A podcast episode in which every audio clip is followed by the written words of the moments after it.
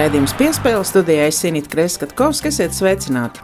Redījumā uzzināsim ko vairāk par aktualitātēm Ķīnā, kur krietna darba pieredze Rigoram Miglniekam.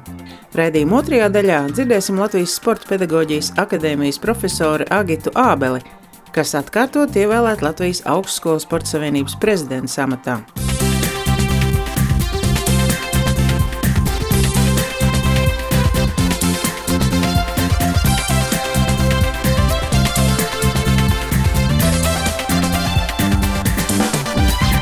1988. gadā PSRS izlases sastāvā Igors Miglnieks kļuva par olimpisko čempionu un reizē arī pirmo latvieti, kam izdevies kārt kaklā zelta medaļu visaugstākā līmeņa fórumā. Saruna piespēlē arī par Ķīnas medicīnu, adatu terapiju un tās lomu sportistu atjaunošanas procesā. Kādēļ Āzijā tā arī neizdodas sasniegt groza bumbā gaidīto progresu, un, protams, neizbēgsim arī no Covid-19 temata tajā brīdī es biju labākais pasaulē. Visas pirmās vietas ir līdzvērtīgas zeltam. Spēlētājiem gadās slikts, labs spēles sērijas, bet ir jāceļās, jāmāk piecelties un parādīt savu sniegumu. Kāda ir tā situācija? Vai var teikt, ka Ķīnā dzīve ir atgriezusies vecajās sliedēs? Jā, bet eh, nu, dzīve ir atgriezusies, bet kaut kā te jau arī tā jocīga tā sajūta, ka tik un tā pa visu to konkrēto situāciju, kā tas ir īstenībā visā pasaulē. Nu, nezinu, tik daudz cilvēku tomēr. Ja? Un tāpēc arī šeit, mēs atgriežamies dzīvē atpakaļ, bet, nu, labi, visiem obligāti vēl maskās, un tad izskan, ka kaut kas atkal atvērās kinoteātrī, un atkal aizvērās, ja? un atkal kaut kas ir kaut kur noticies. Bet tas viss ir informācija. Es domāju, ka nu, laikam tāda mūsu tā, tā pasaule šobrīd ir, ka kādam ir kaut kas tomēr jāslēp, un ka valdības vai kas viņam tas jāizdara pareizi. Ja? Ļoti droši sajūta, ka viss ir kārtībā. Tā nevarētu pateikt. Bet vizuāli, jā, vizuāli, jā. Pie mums raksta, ka Ķīna gaida otro pandēmijas vilni, un vai ir tiešām tā, ka Uz vietas izskatās, ka ķīnieši arvien vairāk baidās no eiropiešu pieplūduma. Kaut kas ir parādījies, nu, tas tāds atkal uzkrītoši, kad viņiem tiek ievests tagad jau. Ja? Nedaudz viņi aizmirst, ka tomēr no viņiem sākās. Nu, labi, nu, bet šobrīd nu, varbūt tie fakti ir, bet arī paši ķīnieši ieved. Bet, ja ieved ārzemnieki, tad viņiem tas ir pat ārzemnieks nelaiž ne viesnīcās, neļauj tiem, kas strādā šeit, neļauj īrēt dzīvokļus. Ja? Nu, kaut kā stum viņus ārā un filmē, ja kāds ārzemnieks nedod dievs, nav masku uzlīdz līdz galam, kaut gan jau nu, diezgan jau daži, varbūt ne puse, bet nu, trešdaļa, ceturdaļa staigā bez maskām, ķīniešu paši. Ja? Kāds ārzemnieks viņu filmē un uzreiz sūta uz policiju, ka reko ārzemnieks staigā bez maskas. Nu, diezgan tāds uzbrukošs, nepatīkams sajūta. Ja? Mēs vispār neesam pārtraukuši visu laiku. Ja mums tās iespējas ir tāpēc, ka ir, mums ir privāti sava zāle, savi pavāri, savu ēdnīcu, savu visu pilnīgi sausu. Mēs izolējamies kopumā, es domāju, kaut kur skaitīgi kā 40 cilvēki ar visu apkalpojošo personālu treneriem spēlētājiem. Un mēs neesam pārtraukumi vispār nevienu brīdi. Nu jau, nu jau psiholoģiski es redzu, ka spēlētāji sāk jau gurt, bet nu, Ķīnā neviens neļauj nevienam tā arī. Ķīnas režīms arī sportā. Ja, ja viņi saņem algas, viņi trenējās katru dienu, pat nu, nedēļā iedod vienu pusotru dienu brīvu. Kas ir ķīniešu fanātismu pamatā? Satikta jūrmalā Ainārs Zvirgzdiņu, kas arī strādāja Ķīnā ar sieviešu izlasēm. Gan. Viņš teica, ka vakarā adatu terapija, tēņas un otrā rītā meitenes viss kā gurķīši, kaut gan pēc viņa sajūtām tās slodzes, kas tajā dienā ir iedotas, man liekas, ka otrā dienā neviens vispār nebūs spējīgs neko darīt. Un viņš teica, ka latviešu meitenes ne vairāk par trim dienām kaut ko tādu varētu izturēt. Nu, kā ir, vai var vilkt paralēlus arī ar vīriešu basketbolu un tām slodzēm.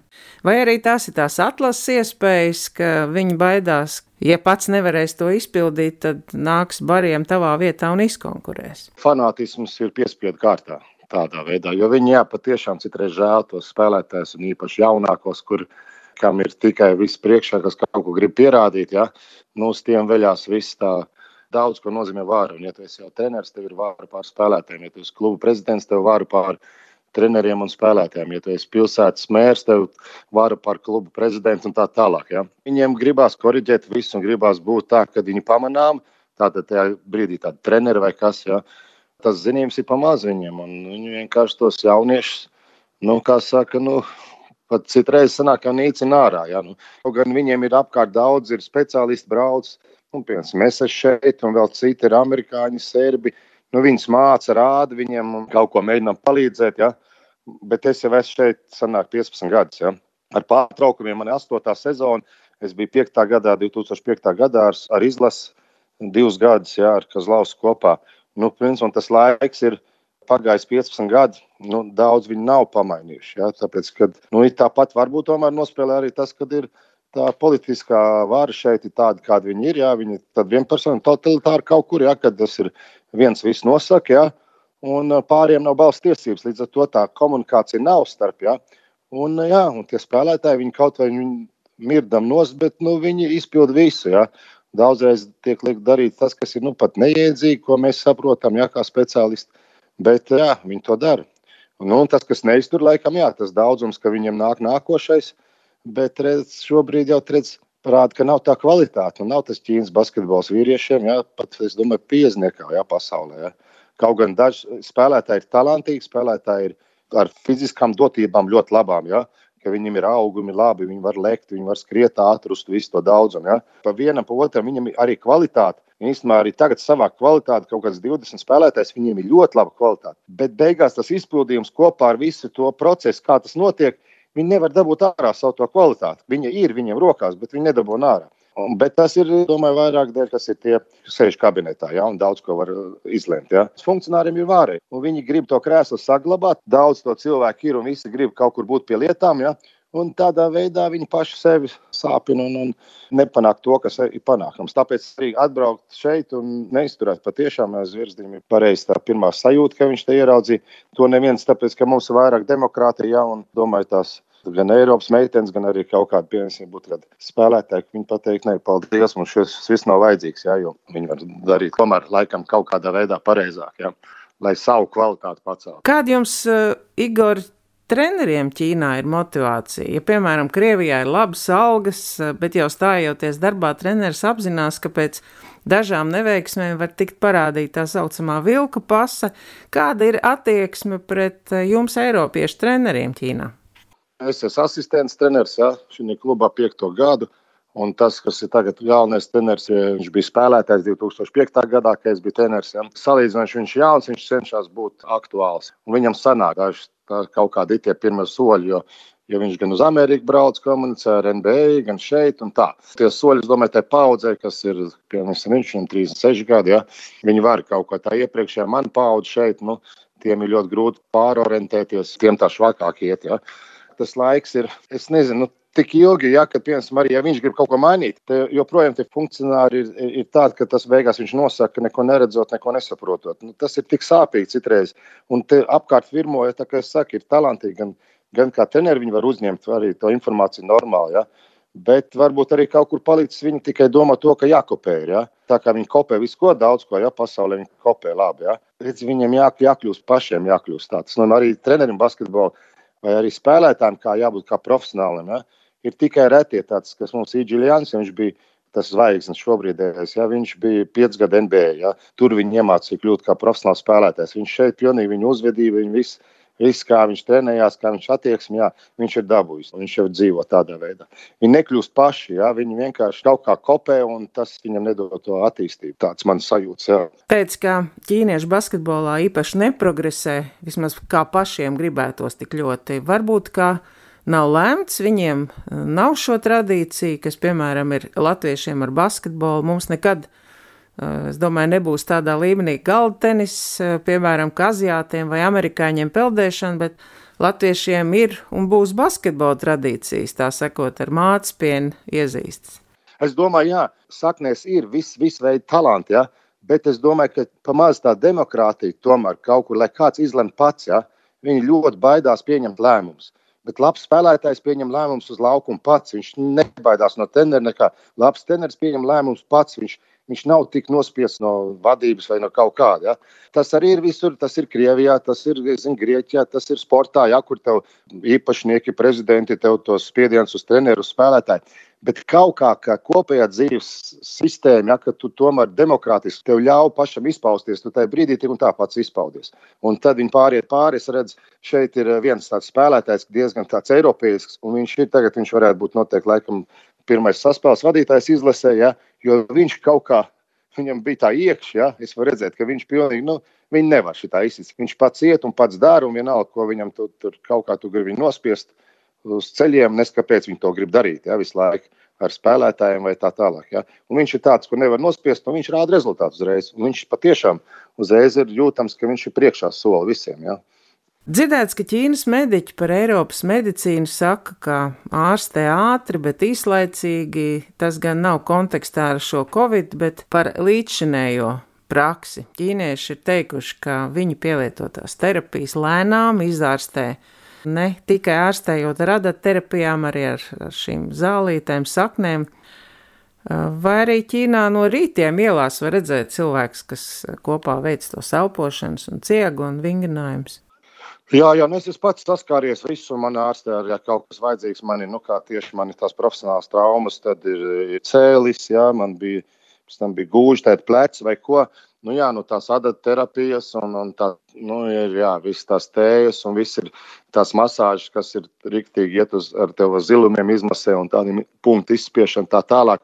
Nē, tas, es domāju, ka tur viņi ir priekšā, jā. Bet uh, tas arī nav tā, kā tieši tāpēc ir atbildi, ja, ka tas ir nav īslaicīgi. Tā kā Eiropā iedzer tableti, tev pāriet tās sāpes, ja, vai kaut ko uztaisa operāciju, izgriež sašu, ja, nu, tad tev jābūt uz vietas. Ja tu dzīvo šeit uz vietas, tad tu arī pieņem to dzīves ritmu, tu esi ķīnietis, un tad tu jau, tu esi jau gatavs uz tēņām, uz adatām un vēl tā tālāk. Ja. Nu, ja atbrauc uz pāris gadiem un tam tēņām vai kaut kādām adatām, nu, arī, tas arī var būt kaut kur diezgan īslaicīgi tikai būt. Ja.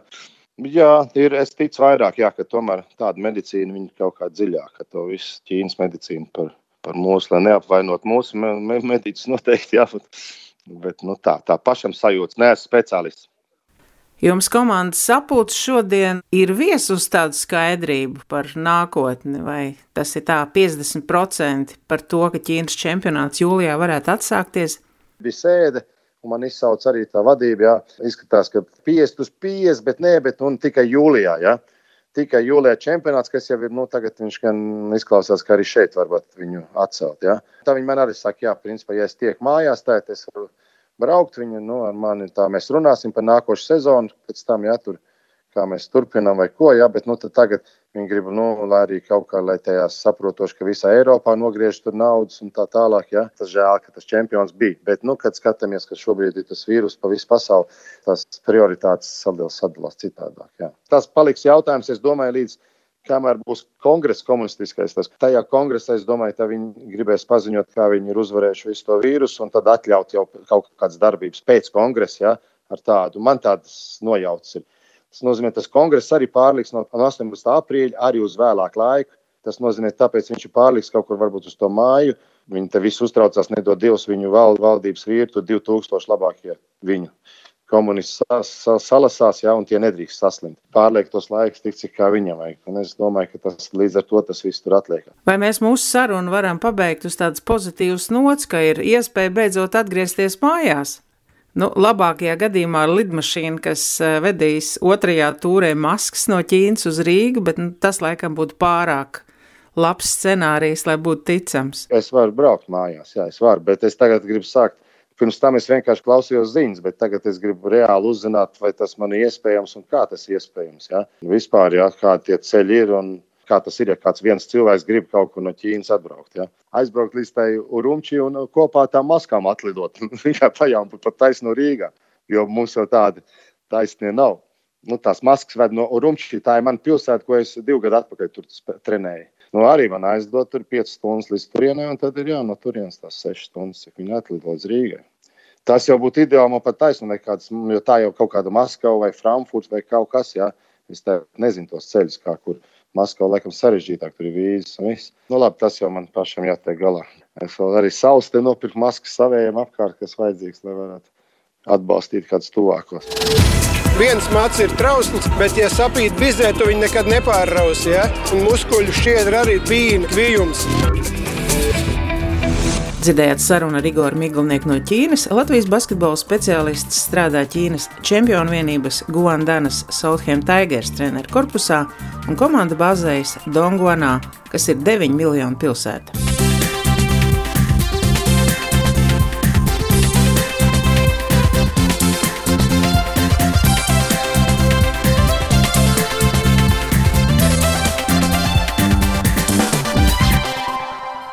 Skan Latvijas radio viens raidījums piespēles studijā Inita Kreskatkovska. Agita Abele nesen kā ievēlēta Latvijas augstskolas sporta savienības prezidents amatā. Viņa ir arī Latvijas sporta pedagoģijas akadēmijas profesora un saruna raidījumā ne tikai par studentiem, bet arī par viņas iemīļoto sporta veidu dāļslidošanu. Jūs, Agita, Latvijas Augstskolas sporta savienības prezidents amatā esat nulekā ievēlēt atkārtoti. Vairāk kārt arī esat vadījusi delegāciju pasaules universitātēs. Vai jūs prāt tā saucamais sportiskākais augstskolu trio ir nemainīgs Latvijas Sporta pedagoģijas akadēmija, Latvijas universitāte un Rīgas Tehniskā universitāte? Un vai jūs prāt pedagoģa attieksme pret studentiem tieši šajās augstskolās ir draudzīgāka? Labdien! Jā, nu, tiešām tā tas ir, ka uzņēmos vēl četrus gadus vadīt Latvijas augstskolas sporta savienību, un laiks tagad ir tāds diezgan interesants un arī izaicinājumiem pārpilns. Šī gada, piemēram, sēl spēles, kas bija paredzētas Somijā, tika atceltas vispār, un nākamajā gadā mums ir arī jāorganizē viens ļoti liels pasākums Sēl Games Latvijā. Nu, mēģināsim to izdarīt godam, lai gan tie tiešām jā, izaicinājumi ir daudz. Bet man ir lieliski arī valde un pārstāv tiešām visas šīs spēcīgākās augstskolas sportā. Un te gan es gribētu teikt, ka tas trio jau ir paplašinājies un ir piecas līderu augstskolas, kuras ir pietiekami spēcīgas un aktīvas un darbspējīgas studentu sporta jomā. Un tā, tā ir Sporta pedagoģijas akadēmija, Rīgas Tehniskā universitāte, Latvijas universitāte, Rīgas Stradiņu universitāte universitāte un arī Latvijas lauksaimniecības universitāte Jelgavā. Un tas ir tas mūsu kodols. Tiešām mums ir cilvēki, kas ir ieinteresēti un labprāt darbojas. Bet izaicinājumu tiešām ir daudz. Par finansiālajiem atbalsta elementiem savulaik par mācību maksu nebija jāmaksā. Vai ir kādi atvieglojumi arī tagad sportistiem, piemēram, kas studē turībā un kas zināms eh, par citām atlaidēm, tā saucamajiem sportistiem, studentiem arī citās alma mater? Kas, jūsuprāt, ir šie studējošo sportistu stimulējošie mehānismi? Attiecībā uz finansiālo atbalstu jāsaka tā, ka katra augstskola mēģina atrast savas iespējas. Ir arī Sporta federācija padomas atbalsts studējošiem sportistiem, un katru gadu tas sasniedz apmēram 40 tūkstošus eiro, uz ko pretendē sekmīgie studenti, kas vienlaikus arī ir uh, augsts sasniegums sportisti, jeb ir izcīnījuši saskaņā ar kritērijiem noteikti punktu skaitu sezonas laikā. Bet eh, par augstskolām ir tā, ka diezgan diezgan pozitīvā jomā augstskolas sāk pievērsties tā saucamās duālās karjeras atlētu atbalstam. Un būtībā katra augstskola savu iespēju robežās mēģina atrast iespēju atbalstīt šos studentus. Jā, ir arī Tehniskā universitātē un ne tikai ir speciāls budžeta vietas, kas ir paredzētas tieši sportistiem. Ir augstskola, kā jūs minējāt, turība, kur vairāk vai mazāk atbalsta tieši konkrētu sporta veidu šeit pārstāvis, un, piemēram, basketbolu. Latvijas universitātē, teiksim, vairāk arī ir basketbols un futbols. Stradiņu universitātei volejbols. Tā kā būtībā es varētu minēt, ka šie duālās karjeras atbalsti, viņi izpaužas vairākās jomās. Viens ir tiešām tas finansiālais atbalsts, kurš e, nozīmē, ka augstskola dod iespēju samazināt studiju maksu, vispār to atcelt.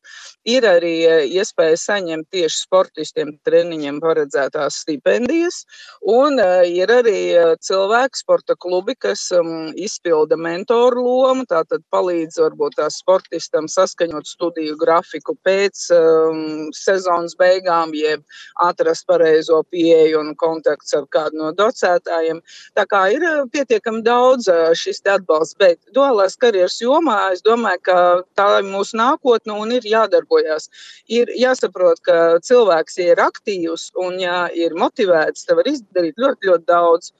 Šis ir tas īpašais laiks, kad ir valstī ārkārtas situācija un kad notiek pilnībā vērtību pārvērtēšana, varbūt tieši tas liks aizdomāties par pilnvērtīgu mūsu laika un iespēju izmantošanu, un varbūt aktivēs tai papildus darbībai, vai teiksim, sastruktūrēs to laiku, lai varētu liederīgi izmantot gan studijas un studiju jomā izaicinājums, gan arī, teiksim, sportā. Ļoti daudzi sportisti man tiešām ir patīkami ar viņiem darboties. Viņi atšķirās ar to, ka lieliski prot veidot savu laika menedžmentu. Neraugoties uz to, ka ir kaut kādas sezonas svarīgākās sacensības, ir arī sezonas laikā kaut kas mazliet mazāk svarīgs, jeb kāds atpūtas periods. Un atpūta jau nenozīmē vienkārši gulēt, bet tā nozīmē, ka var lieliski nodarboties ar kaut ko citu. Bez tām dažkārt arī sezonas laikā palasīt grāmatu, padomāt par kaut kādām uh, lietām, arī tīri zinātniskā aspektā, tas jau arī ir atslodzi. No viena darbības veida mēs rodam atslodzi citā.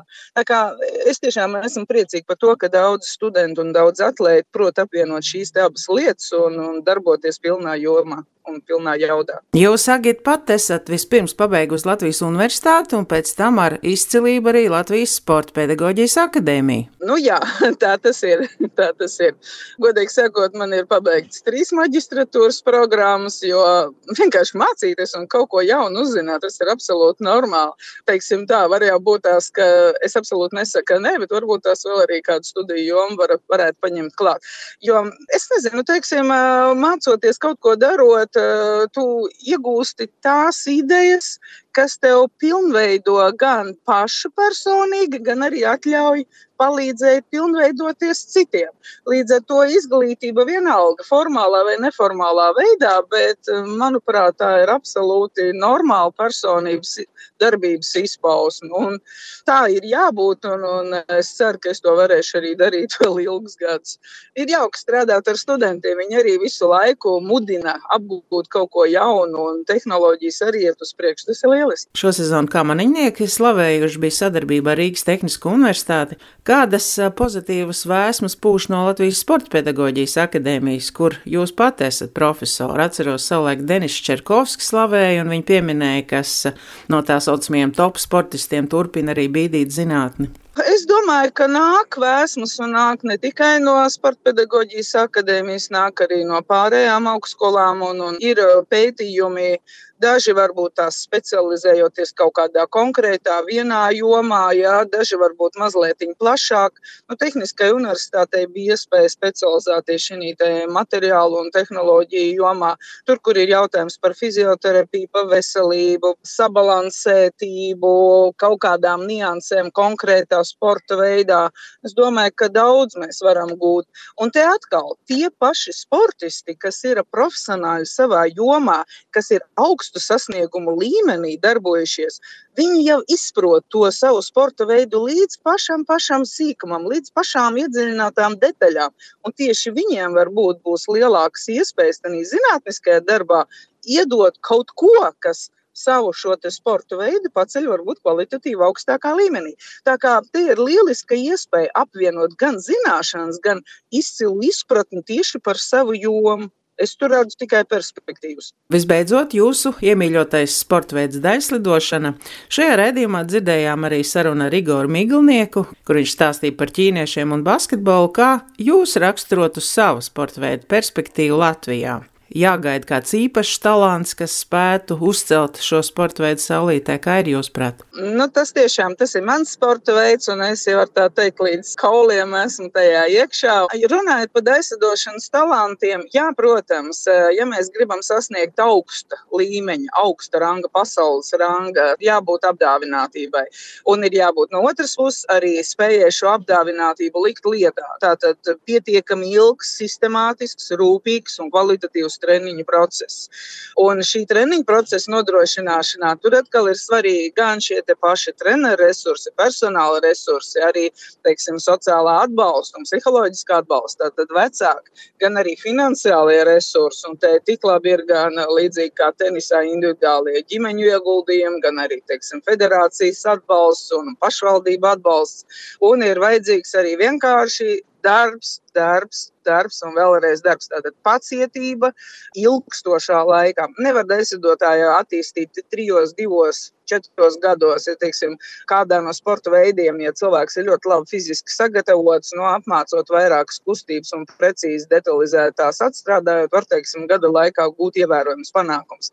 Desidošanā, diemžēl, bet tā nesanāks. Ir jābūt vismaz tiem pieciem, septiņiem gadiem rūpīgu, sistemātisku treniņu, lai varētu veidot uh, šo sportistu.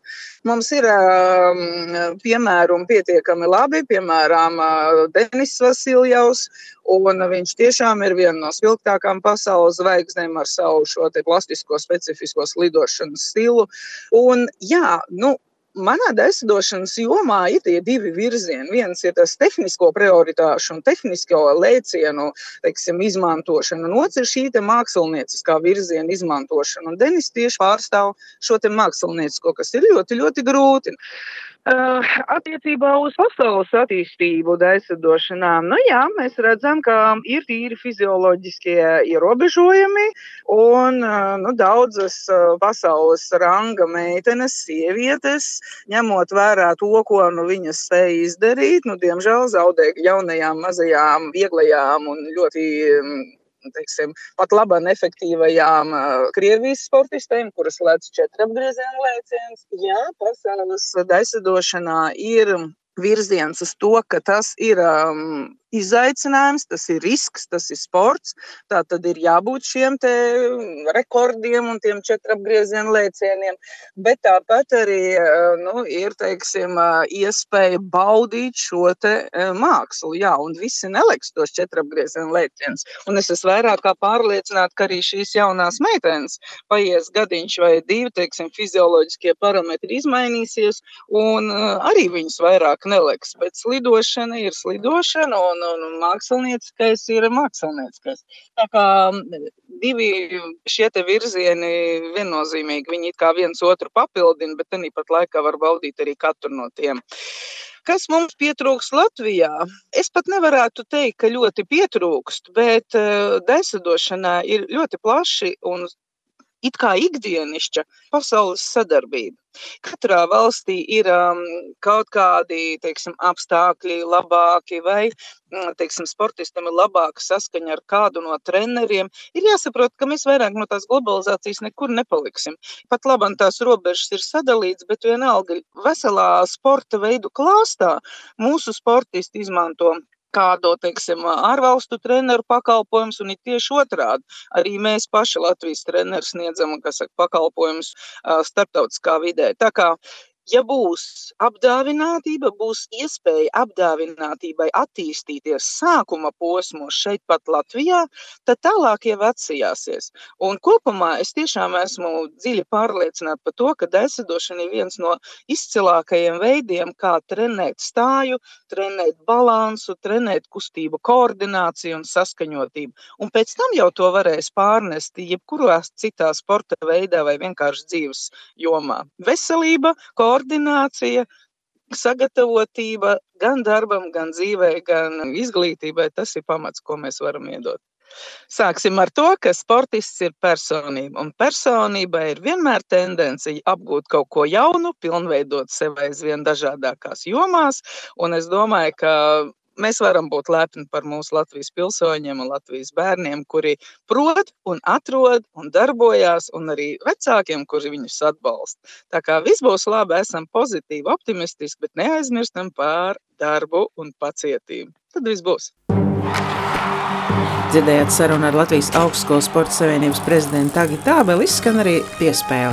Es Inīt Kreskatkovska un Nora Mitspapa vēlam jaukas lieldienas un uz sadzirdēšanos pēc nedēļas.